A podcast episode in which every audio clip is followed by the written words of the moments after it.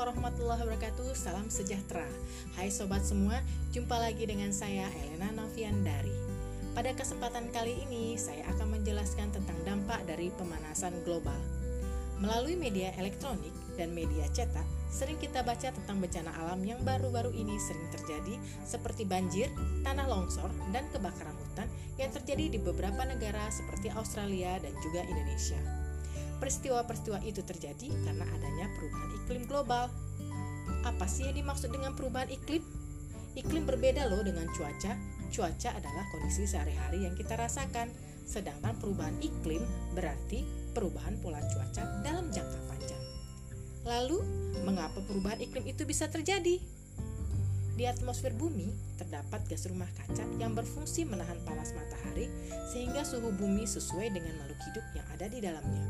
Salah satu gas yang penting adalah karbon dioksida. Gas karbon dioksida yang ada di atmosfer terkumpul dan menyebabkan efek rumah kaca karena tidak diserap oleh pepohonan. Efek rumah kaca menyebabkan es di kutub mencair sehingga meningkatkan permukaan air laut. Kondisi ini menyebabkan banjir di area pesisir pantai.